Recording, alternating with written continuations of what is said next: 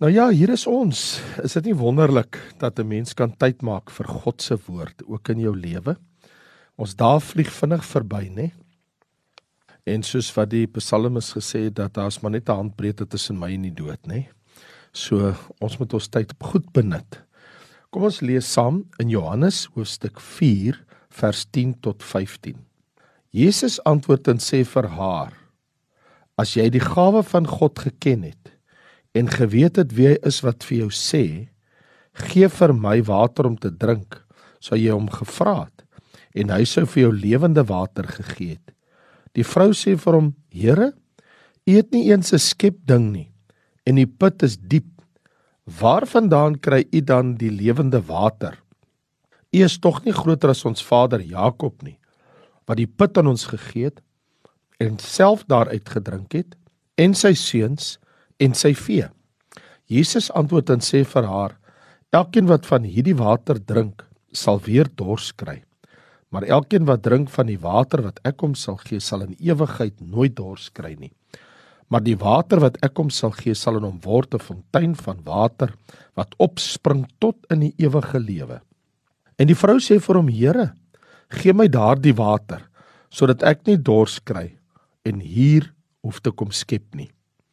Hierdie woorde van Jesus oor die lewende water wat hy uitgespreek het oor hierdie kan ek sê sondige Samaritaanse vrou is dieper en meer ewigdurend as die put van Jakob. Ek praat nou van die fontein van Jakob. Want jy sien Jakob se put mag wel onpylbaar wees. Maar Jesus se water is ewigdurend. Praat met jou oor die lewende water. Jesus het 'n manier om tot 'n mens te spreek, soos iemand eendag gesê het. There are certain truths which a man cannot accept. He must discover them for himself. En dit is wat met hierdie vrou gebeur het. Jesus sittende by die put van Jakob leer hierdie vrou van die lewende water. Soos ons in vers 10 sien, Jesus sê vir haar vir die vrou: As jy die gawe van God geken het, en geweet het wie hy is wat vir jou sê gee vir my water om te drink sou jy hom gevra het en hy sou vir jou lewende water gegee het. En hierin sien ons die eienskappe of die natuur van hierdie lewende water. Dit is lewend in die sin dit is lewe gewend dit wat Jesus gee is nie om ons lewend te hou nie maar dit wat hy vir ons gee, maak ons lewend. So die water, soos wat ons hier sien in vers 17 van hoofstuk 1, van genade en waarheid. Die wet is deur Moses gegee, maar die genade en die waarheid deur Jesus Christus. So hierdie water van genade en waarheid is nie net om ons te verfris nie, maar dit wederbaar ons. Daar staan mos in hoofstuk 3 vers 5 voor waarvoor waar ek sê vir jou as iemand nie gebore word uit water en gees nie kan hy in die koninkryk van God nie ingaan nie. So Titus praat van die bad van die wedergeboorte. So hierdie lewende water waarvan Jesus spreek wat elke mens behoefte aan het, besit die elemente van die ewige lewe, ewige lig en lewe is daarin. So die waaragtige lig wat elke mens sou verlig, die een wat genade en waarheid bring, die een wie die waarheid en genade is, hy is die een wat sê ek gee vir jou lewende water. Nou sien ons ook in hierdie vers in Johannes 4 vers 10 die bron van hierdie lewende water. Daar's nie net hierdie eienskap van hierdie water dat dit is lewegewend nie. In ander woorde, dit is ewige lewende water wat hy vir 'n mens gee. In ander woorde, dit wat Jesus ons bied, hierdie genade, hierdie waarheid, hierdie goddelike waarhede is ewige waarhede. En die bron van hierdie lewende water sien ons mos nou in vers 10 is waar Jesus sê, "Sou jy hom gevra het en hy sou vir jou die lewende water gegee het." So Christus homself is die gewer van hierdie lewende water. en aan hom is gegee om oor alle vlees, alle mense mag te hê dat hy selfs aan hulle die ewige lewe kan gee. Soos wat ons net 'n paar hoofstukke verder, hoofstuk 17 vers 2 lees, soos u hom mag gee, sê Jesus in sy hoëpriesterlike gebed, praat hy met die Vader oor alle vlees sodat hy aan almal wat U hom gegee die ewige lewe kan gee. So Jesus sê dat Vader, dankie dat U my die mag gegee het dat ek die mag het oor alle vlees. Ek kan vir alle mense wie ek wil die ewige lewe gee. So die oorspronklike bron van hierdie genade en waarheid en ewige lewe is die genadige hart van die ewige God wat sy seun Jesus Christus na hierdie wêreld gestuur het. Want ons het mos in die vorige hoofstuk gesien in Johannes hoofstuk 3 dat so lief het God die wêreld gehad dat sy sy enige gebore seun gestuur het. So in ander woorde, die een wat die genade en die waarheid na ons toe bring, dat die een wie hom gestuur het, is die oorspronklike bron, dis die Vader. En nou sê Jesus dat hy is die bron van hierdie suiwer rivier van die water van die lewe. Want onthou daar is ook nog die rivier van die water van die lewe. Openbaring 22 vers 1 en hy het my getoon 'n suiwer rivier van die water van die lewe helder soos kristal wat uitstroom uit die troon van God en van die lam So hierdie suiwer rivier van die water van die lewe wat mense kan drink, stroom in die nuwe Jerusalem uit die troon van God die Vader en uit die troon van die lam en die leeu, Jesus Christus. Nou, so dis baie duidelik. Wanneer ek en jy Jesus in ons hart het, dan het ons die lewende water ontvang. Ons het genade en waarheid ontvang. Maar wanneer ons in die nuwe Jerusalem kom, kan ons ook drink van die water van die lewe. Nou wat treffend is hier vir my in Johannes hoofstuk 4 in vers 14 toe Jesus gesê het want elkeen wat drink van die water wat ek hom gee sal in ewigheid nooit dors kry nie. Hier kan ons die doeltreffendheid sien van wat gebeur met die lewende water. Ek bedoel hier is 'n paar dinge wat vir ons duidelik is. En die een is dit les ons siele dors. Ek en jy kan dors hê fisies, ek moet water drink, ek het gehardloop, ek is warm of ek kry baie warm of ek het lanklaas iets oor my lippe gehad, dan drink ek water. Maar hierdie skriftekste praat van siele dors. Wie ook al drink van die water wat ek hom sal gee, sal in ewigheid nooit dors kry nie. Hoekom? want Jesus praat hier van 'n siele dors wat hy kan les. Laat my dink daar net 'n paar hoofstukke, 3 hoofstukke verder in Johannes hoofstuk 7 vers 37 en 38 lees ons en op die laaste dag, die groot dag van die fees, het Jesus gestaan en uitgeroep en gesê: As iemand dors het, laat hom na my toe kom en drink. Hy wat in my glo, soos die skrif sê strome van lewende water sal uit sy binneste vloei. So doeltreffend is hierdie lewende water dat mense nooit weer dors het vir iets anders om 'n mens se dors te les as jy eers by Jesus gekom het nie. Want jy sien, dit word ook 'n fontein van lewe binne in ons, soos ons hier sien. Waar Jesus sê in Johannes 4 vers 14 maar die water wat ek hom sal gee sal in hom word 'n fontein van water wat opspring tot in die ewige lewe. So wie eers gedrink het van hierdie lewende water, wie hierdie genade en waarheid want dit staan mos in hoofstuk 1 die genade en waarheid kom deur Christus. Wie dit in Christus gevind het, vind in homself 'n fontein van nuwe lewe en geseentheid. Want jy sien hierdie fontein nou nooit op om te vloei nie.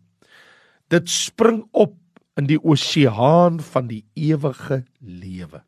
Ons eens droë, leë, gebroke lewens het nou verander en skielik het dit verander in lewende waters, 'n dansende fontein. Dit spring op hier binne in ons en dit hou aan en gaan voort tot in die ewigheid. En dit is alles omrede ons die Heilige Gees ontvang het toe die, ons die lewende water, toe ons die lewende woorde, toe ons die Here Jesus ontvang het, het die Heilige Gees sy inwoning, sy intrek in ons lewe geneem. Die Gees van waarheid en genade woon nou in ons. Voorts as ons teruggaan hier in Johannes hoofstuk 4 vers 10 waar Jesus sê as jy die gawe van God geken het sou jy hom gevra het Jy sien hier is die voorwaarde is as jy die gawe van God geweet het, as jy dit geken het, weet jy dit? Hy sê dan sou jy gevra het. So ons het hier weet en vra. Ken jy dit? Weet jy daarvan?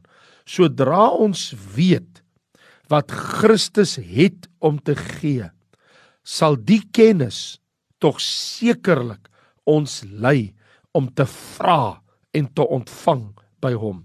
Hoe sal sondaars die grootste van alle gawes van hom vra as hulle nie weet as hulle nie weet daarvan nie die gawe van God is die ewige lewe vra hom en jy sal dit ontvang maar elkeen wat drink van die water wat ek hom sal gee sal in ewigheid nooit dors kry nie maar die water wat ek hom sal gee sal hom word 'n fontein van water wat opspring tot in die ewige lewe.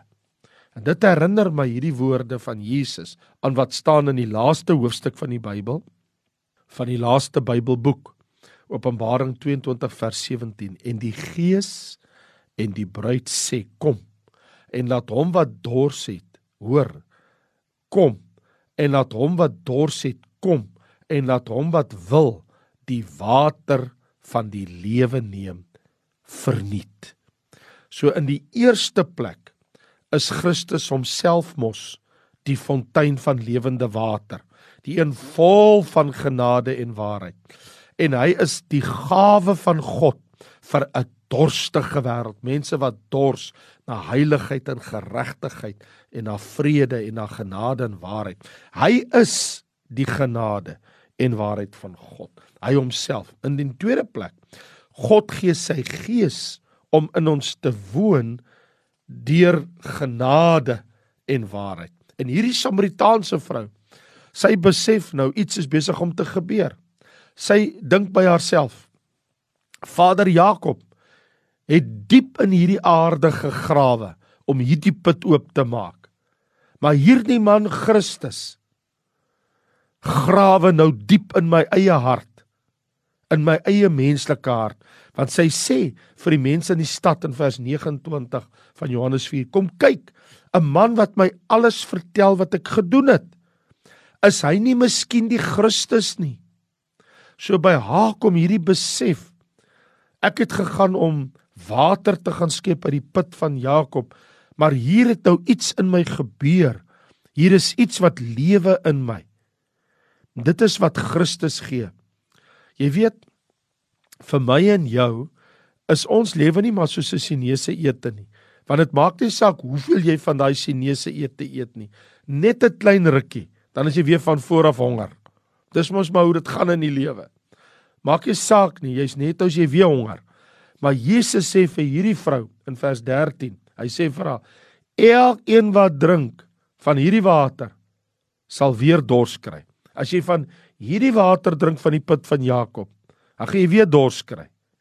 Maar as jy in my glo, sal jy nooit weer dors kry nie. In ander woorde, ek gaan jou siele dors gaan ek vir jou les.